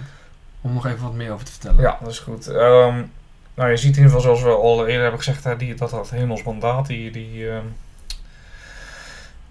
hem, die dynastieke cyclus, dat die eh, naar beneden gaat. Eh, en dat is altijd opstanden. Dus eh, tussen 1796 en 1804 zie je de opstand van de Witte Lotus.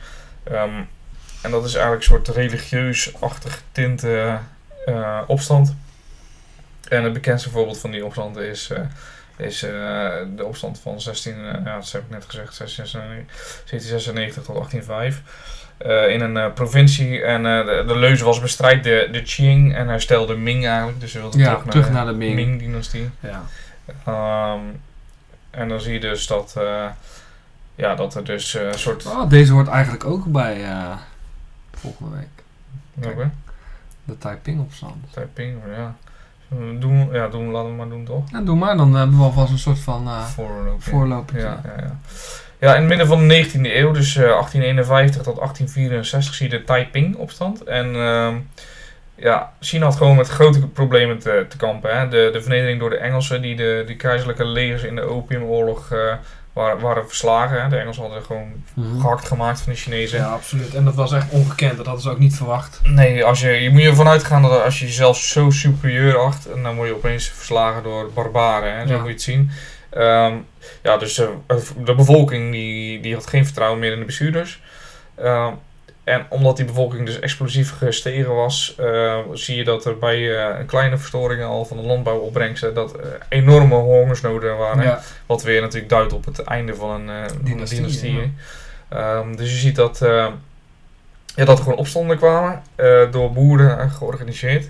En je ziet dat in, 19, of in 1859 tot 1860 keizerlijke troepen een, een aanval doen op Nanjing, waar eigenlijk de opstandelingen zitten. Die werden afgeslagen. Ehm, de Taiping, eh, Taipingers, om het zo maar even te noemen, die deden nog een poging Shanghai te veroveren. Maar eh, die werden door het eh, altijd zegevierende leger afgeslagen. En in 1864 eh eh, verenigden twee generaals hun krachten en veroverden Nanjing uiteindelijk toch. Mhm. Waardoor de weerstand van de rebellen eigenlijk ineens stortte. En die rebellenleiders die namen gif om zelfmoord te plegen, zeg maar. En de keizerlijke troepen richten daarbij eh, ja, wel een groot bloedbad aan onder de leiders van de opstand en hun volgelingen. Dus eh, Zo, je hebt echt, eh, je bent wel echt, je hebt je, ik heb mijn best gedaan, man. heb Ik je best echt gedaan, ouwe. Ja, heel goed man. Ja, nee, tof man. Het is wel echt, eh, het is wel lastig onderwerp hè. Ja, het is gewoon zoveel te vertellen. Eh, je en- kan het niet samen, makkelijk samenvatten. Nee, je kan het niet makkelijk samenvatten. het, eh, het belangrijkste is denk ik, hè, waar we het vorige keer ook over hadden, te begrijpen hoe die cyclus werkt. ja. Hemelse mandaat. En dan zie je eigenlijk dat al die dynastieën daar eigenlijk wel op draaien. En steeds komt er wel een klein beetje bij. En Ja. verandert er wel wat, maar het blijft wel een beetje hetzelfde. Hè? ja, precies. Beetje continuïteit. Toch wel. Ja, ja, het- is gewoon, ja, het is continuïteit, want elke Ja. keer is, komt hetzelfde terug. Dus eh, ja, Ja, tof man. Dan laten we hem, gaan we volgende week maken we hem af. volgende week maak ik hem af. Gaan we nog even wat vertellen over de 19e eeuw, wat echt een super interessante tijd is voor eh, China eigenlijk. Althans, niet heel erg veel leuke dingen, hè, want nemen ze het Westen volgens mij nog steeds kwalijk wat er is gebeurd. Zeker. En eh, ja, de 20e eeuw en misschien een mini stukje 21e eeuw. Kunnen we doen. Maar nu, naar het leukste deel van de show. De Ja. drie vragen. Ik ga proberen mijn titel terug te verdienen. Oh ja, ja jij mag Maar- beginnen volgens mij. Ja, ja, ik begin wel. Je had vorige week gewonnen, maar Oké. dan begin ik wel. Maar weet je, ik heb zo wel een beetje, dat ik denk, nou, ik wil je gewoon een kans geven. Ik ga niet van die hele lastige Ah, vragen, ah, anders is het voor de luisteraar ook niet leuk. ah. Oh god, Toch? ik heb wel een beetje... Oh, maar jij, bent, jij hebt me weer genaaid zeker. Ja, nou, dat, dat is Oh, grappig man. dat je dat zegt op die manier. Oké, dan Maar ben ik heel benieuwd. komt Alright, ik ga een vraag stellen hè, hoe het werkt. Ja. Ik- We hebben drie vragen, die stellen we aan elkaar. Gaan we proberen te beantwoorden. En degene die ja, het meeste weet te beantwoorden, die, ja, die wint. Ja, zo is het. Zo is het. Alright. Nou, hier is de eerste. Oké, Henry de Achtste. Henry de Achtste Ja. van Engeland. Oh ja. Had een aantal grooms of the stool. Wat was de functie van deze grooms? Ja, dat weet ik. Nice. Ja, ja, hij moest voor mij de koninklijke reet afvegen. Ja, ja, ja. heel goed. Groen op de Ja. stoel. Ja, die grooms die eh, moesten dus letterlijk zijn reet afvegen. Die Awesome. waren speciaal voor om zijn kont af te vegen. Maar ze waren wel geridderd. Dan ben je fucking ridder en dan moet je iemand zijn reet afvegen. Ja, maar het is wel de reet van de koning, weet je. Ja, het is wel de reet van de koning. Ja. Kiss my royal ass. eh, Ja. Henry de Achtste. Henry Achtste. Grappig. Sfeer. Ik eh, was grappig dat je zegt, ik heb die wel eens een keer benoemd inderdaad. Dus dat is Ja. leuk. Leuk. Oké, eh, voor jou, de eerste Oh, vraag. Oké, Utsi ken je nog wel hè? Utsi, ja, ja, gehad, ja. ja, ja, ja. Eh, maar dat is een uitvinding eigenlijk in de tijd van Utsi. Die we nog steeds gebruiken. En Utsi had, had, had hem bij zich. Dus, ja, wat is dat? Wat is de uitvinding die Utsi bij zich had? Hij had meerdere steeds bij zich. Had meerdere bij zich. Had, ook eh, gebruiken we nog steeds. We gebruiken geen pijl en boog meer en geen, eh, geen pijl meer. Oh, Dus- jawel, jawel. En Sneeuwschoenen had hij aan. Ja, nee, die, Ja, dat- ik bedoel, die gebruiken we ook nog steeds. Ja, ik bedoel, ja, ja. maar dat is niet echt... Hij had een eh, koperen bijl had hij, hè? ja, klopt. Hij had een pijl en boog, had hij Klopt. ook. Hij had ook een soort van, ja, een warme trui had hij, de jas had hij aan. Een soort van bescherming had Ja, precies. Maar die, zou, die bedoel ik dus niet. Ja, maar ik heb er wel al heel veel genoemd. Ja, ja. Die we ook nog steeds gebruiken. Ik weet niet of we hem echt goed kunnen rekenen. Nou, nou vertel, ik ben benieuwd. Ah, misschien, ik geef hem gewoon aan. Weet je. je Oké, had net een makkelijke vraag voor mij. Deze. Ah. De portemonnee. Serieus? Ja, het schijnt dat dus de oudst gevonden eh, portemonnee toebehoort aan Utsi. Super vet. hij had gewoon Dat dus, wist ik niet. ja, hij had een eh, soort gordel had hij om en met een tasje van kalfsleer. eh, ja, waar dus ja, shit in stond. Het was dan, het, er zaten geen geldstukken in, maar stukken vuursteen eh, en eten, wat eten waar zoals zwammen. eh wat in die tijd waarschijnlijk lekker snack was. Maar ja, ze denken dus dat dat dus de oudste Portemonnee. portemonnee ter grappig. wereld is. Een soort van, nou, vet man. Ja. Dat vind ik echt een leuke eigenlijk. Ja, goed, hè? Nice man. Dat is best Ja, dat is logisch, want dan kan hij de vuursteen ook droog houden. Super nice. True. Alright, are you ready? Oké. Oké, deze denk ik wel dat je weet. Althans hoop ik. Welke ontdekkingsreiziger ontdekte in 1497 de zeeroute van Europa naar Indië? Oh, dat is een Nederlander volgens mij. Nou, dat is geen Nederlander. Oh, fuck, nou weet ik het niet. nee? Nee, ik weet het niet. Wie Nee. dacht jij dat het was dan? Ja, ik dacht die gast die van de Portugezen eh, de kaart had gekopieerd. Ik weet even niet zijn naam niet. Vasco da Gama. Vasco de... Natuurlijk, waarom weet ik dat niet? Ja, Vasco da Vasco Gama. da Hij was Gama. dus, Vasco da Gama was natuurlijk, al- weet Columbus kennen we allemaal. Hè, die ging naar het westen. Ehm, die ontdekte dus Amerika. Maar ja, dat was eigenlijk helemaal niet zo boeiend. Nee. Want wat belangrijk was, is dat Vasco da Gama dus naar, eigenlijk naar, naar het zuidpuntje van Afrika ging. Hè, Kaap de Goede Hoop eigenlijk daar ongeveer. En ging ze omheen.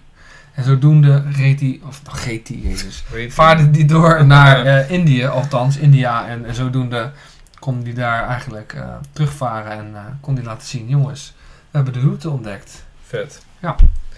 Ja, leuk. Ja. Vasco de Gama. Ja. Je weet, hij ontdekte nog iets, waardoor ik ken hem nog steeds van Vasco de Gama. Gama. Oké, is flauw. Oké, vraag 2 voor jou. ik heb hem wel eens behandeld in Paulus Historicus. Ik ben benieuwd. Het is een van mijn best bekeken filmpjes ook. Eh, wat is de legende achter het verdronken dorp Westerschouwen in Zeeland? Het heeft met zeemeerminnen te maken. Zeemeerminnen, Oh, ja, zeemeerman. ik, ja, vet man. Ja, ja, ja, ik ken het. Ik heb het filmpje niet gezien, maar ik weet niet precies wat de legende is. Oké, Eh, maar ik, ik weet in ieder geval dat het ver- ver- eh, ja, verdronken is of zo. Het land is in, in de water gegaan doordat er een vloek was of iets in die richting. Of iets met een... Ja, door- ja. Weet je, ik kan wel een heel lul verhaal gaan doen waarover ik denk dat het gaat. Maar volgens mij had het wel weer met iets met een man en een vrouw te maken die... eh, ik weet het niet. Ik weet niet of ik het goed moet rekenen. Eh mag ik Ja, reken maar. Nee, nee, hartstikke goed. Ik, eh, het, het, eh, de legende gaat dat eh, eh, vissers, het is een vissersdorpje Ja. in Schouwen, die flikkeren hun net in het water, haalden er een zeemermin uit. En in plaats van dat ze die zeemermin loslaten en weer eh, lekker laten zwemmen, nemen ze die, eh die zeemermin nemen ze mee en met onder veel hoongelach hangen ze die op eh, aan de kade, waarna ze roept, ah, laat me vrij, ik kan er niet tegen, eh, ik wil het water in. En eh, de man, eh, de zeemerman, zeg maar, haar man, die komt Ja. ook en die zegt, jullie moeten er vrij laten, ze gaat dood, eh, geef mijn vrouw terug. En eh, die vissersdorp, waarom ze het doen, weet ik niet, maar ze lachen die gasten uit. En eh, die man zegt, eh, dan eh, spreekt hij zijn vloek uit, hè, dus eh, Ja. Iets van Westerschouw, eh, alleen de toren zal blijven bestaan, weet je wel, u zal vergaan, alleen de toren zal blijven bestaan. En uiteindelijk is er dus nog één toren overgebleven en de rest is gewoon door verzanding eigenlijk eh, in het water gezakt. En dat zou dus de vloek van die man, van die zeemerman zijn. Dus dat is de legende achter het dorp uh, Westerschouwen. Ja. ja, ik wist wel, ik heb het wel eens een keer gehoord, maar ik, echt, ik wist echt niet meer waar het over ging, joh. Nee. Maar wel vet eigenlijk, hè? Ja, er zit wel een soort waarheid in de legende, want Ja. Westerschouwen is daadwerkelijk verdronken in Ja. principe. Ja. Vet man. Maar ja, het zal niet door een vreselijke Vloek zijn vloek geweest. zijn geweest. Althans, voor zover wij weten. Oké, vraag 3, Paulus. Yes, go. Komt ie. Deze ken je. Deze gaat jou lukken, jongen. Ook wel. Nee, dit, is een ei, dit is appeltje eitje. Ja? Dat is ook wel leuk voor de luisteraars, denk ik. Oké. Hoe noemden de Romeinen de meest noordelijke grens van het Rijk op zijn grootst? En waar lag deze grens? Wat? Nee joh, dat weet je wel. Oh, is dat niet eh Hadrian's Wall? Hadrian, Hadrian's Wall? in, eh, in Brittannië? Eh, mm, nee, oud. Oh. Dat zou ook wel kunnen hoor. Maar nee, het, ging, het ging, gaat niet over Hadrian's Wall inderdaad. Oh. Dus ik kan hem niet helemaal goed rekenen in die zin. Fuck. Maar het, is, het heeft wel een beetje met Nederland ook te maken. Ja, is dat dan eh, de grens aan de Rijn? De Rijngrens? Ja, en, hoe- en nou wil ik horen hoe ze die noemden. God allemachtig. Eh, grensjes uh, Reinius. het is zo mooi dat je er zelf zo hard om lacht. ik weet het niet trouwens. Nee, het is de Limes. Oh ja, natuurlijk de Limes. Fucking de hell. Limes, ja. Zo simpel ook. Ja, heel goed aan de Reinius. Hij lacht het, hetzelfde hard als zijn eigen grap. dat is echt dom hoor. Grensjes Reinius. Jongen, jongen, jongen. Hij ligt helemaal aan de deuk, jongen. Oké. Slappe lach. Dat is niet te doen. Oké. Jij moet mij nog een vraag stellen. Oh, moet ik jou nog een vraag stellen? Oké. Ja, gaat dat lukken? Ja, dat gaat lukken. Hoeveel staat het eigenlijk? Even kijken. Ik, ik geef jou een half punt. Anderhalf, anderhalf. Want jij had ook Ja, een oké, oké. Nou, fair enough. Shit, dan moet ik deze hebben. Ja, deze moet je hebben dan, anders dan is het, is het de tie. Tiebreak. Oké. Hoe oud is de oudste dildo Fuck, dat weet ik veel. Ja, die zal wel echt fucking oud zijn. in de buurt? Give or take eh, 5000 jaar. Oké, ik denk echt wel dat die oud is. Ik denk serieus dat dat ding wel oud is. Ja, dat is niet eh, in vraag, hè? In vraag is hoe oud. 3000 voor Christus. Holy shit, zit er zo ver naast. Ja, serieus? Ja, ja, ja. Ja, goed. De dildo wordt natuurlijk gezien als eh seksspeeltje voor de vrouw, hè, als de man er niet is. Ehm, maar de oudste dildo ter wereld wordt eh, vaak gegeven aan een langwerpig steenvoorwerp, stenen voorwerp. Wat in Zuid-Duitsland is opgegraven, vlakbij Ulm. Het object is zo'n 20 centimeter lang, 3 centimeter dik. Sounds about right. Eh, en is eh 28.000 jaar oud. Oh, even serieus. Ja. Ja, ik zat te denken. Ik denk, ja, zal ik, zal ik dan echt, weet je, prehistorie bijna pakken? Of zal ik, denk, nou, ga ik wel even naar die, naar die Grie- de Egyptenaren bedoel ik. Denk, Ja. nou, Ja, Ja. nou, sowieso het, ehm, even kijken hoor, de steen is eh gepolijst, eh, waardoor de ringen, met ringen aan de uiteinden. De vraag is natuurlijk in hoeverre het een seksspeeltje was. Hè, zoals misschien we was het wel medisch iets. Ja, je weet het niet. Althans dachten ze dat het Ja, ik weet niet of een gelukssymbool of zo. Hè, want als vallensymbool is natuurlijk in de oude Grieken en Romeinen is dat een gelukssymbool. Ja, hadden ze allemaal penissen op een eh, beeld staan. Dat vond ik Ja. helemaal tof. Nou, dat is ook hoe ze natuurlijk in Pompeji dachten dat er heel veel hoerenhuizen waren. Maar dat was eigenlijk helemaal Maar niet het zo. was allemaal gewoon gelukssymbolen, dus Ja. boven de deur. Dus het waren geen hoerhuizen. Maar eh, even voor de goede orde. Eh, de Griekse schrijver Aristophanes vertelt in een toneelstuk over een eh, seksstaking die georganiseerd wordt door de vrouwen van diverse steden. Om eigenlijk de mannen te dwingen om de Peloponnesische oorlog te beëindigen. Eh, de vrouwen worden hierin wel geportretteerd als behoorlijk oversext en worden ja, eigenlijk, eh, er wordt eh, luidkeels geklaagd over de afwezigheid van mannen en het gebrek aan, eh, aan leren hulpmiddelen. Leren Eh, hulpmiddelen. Ja, leren hulpmiddelen. Oké. Zweep. Afbeeldingen op vazen en muren laten duidelijk zien dat de dildo bij zowel de Grieken als de Romeinen en Egyptenaren veel vertegenwoordigd was. Shakespeare heeft ook nog, eh, dat vond ik echt grappig, de si- Signor Dildo. Signor, niet Signor van de man, maar S-I-G-N-O-R Dildo. Ik weet niet hoe je het goed uitspreekt. Oké, wat heeft hij er gedaan? Maar hij, hij is dus de eerste die, eh, die het woord dildo gebruikt voor eh, een seksspeeltje. Cool. Dus dat is rond in de 17e eeuw is dat. In, Ja. een, in, een, in, een, in een gedicht. Dus. Dus, het, jongen. Nou, ik moest even, eh, even lachen om mijn eigen stomme grap, sorry. Ja. Dat moet je ook gewoon doen soms. Ja, soms wel. Hé, maar wat een eh, baas van de aflevering, Ja, ouwe. toch? Ja, hij won, man. Hij is een uur en een kwartier al. Ja, serieus? Ja, we zitten al crap. vet over de tijd daar. Ja, heel erg ver over de tijd. Nou goed, we hebben een special beloofd, dus dat moesten we dan ook maar Special is special. doen. Anyway, Maar wat ons rest is eigenlijk een goede nieuwe quizvraag aan jullie. ja, Want eh, ja, wij bevragen elkaar, maar jullie ook graag. ja we willen dat heel graag van jullie horen. En deze is wel leuk, want deze is wel eh, vrij recentelijk. Nou ja, relatief recentelijk. Recentelijk. En eh, hij luidt als volgt. Wat doorbreekt Felix Baumgartner als eerste mens? 2012, dus misschien stil in. Ja. Je mag googlen uiteraard, maar dan geldt het antwoord niet meer. Nou ja, ja, goed, weten we natuurlijk niet. Nee, dat kunnen we natuurlijk niet controleren. Maar het gaat natuurlijk gewoon om het, om het leuke feitje. Ja. Dus eh, ja.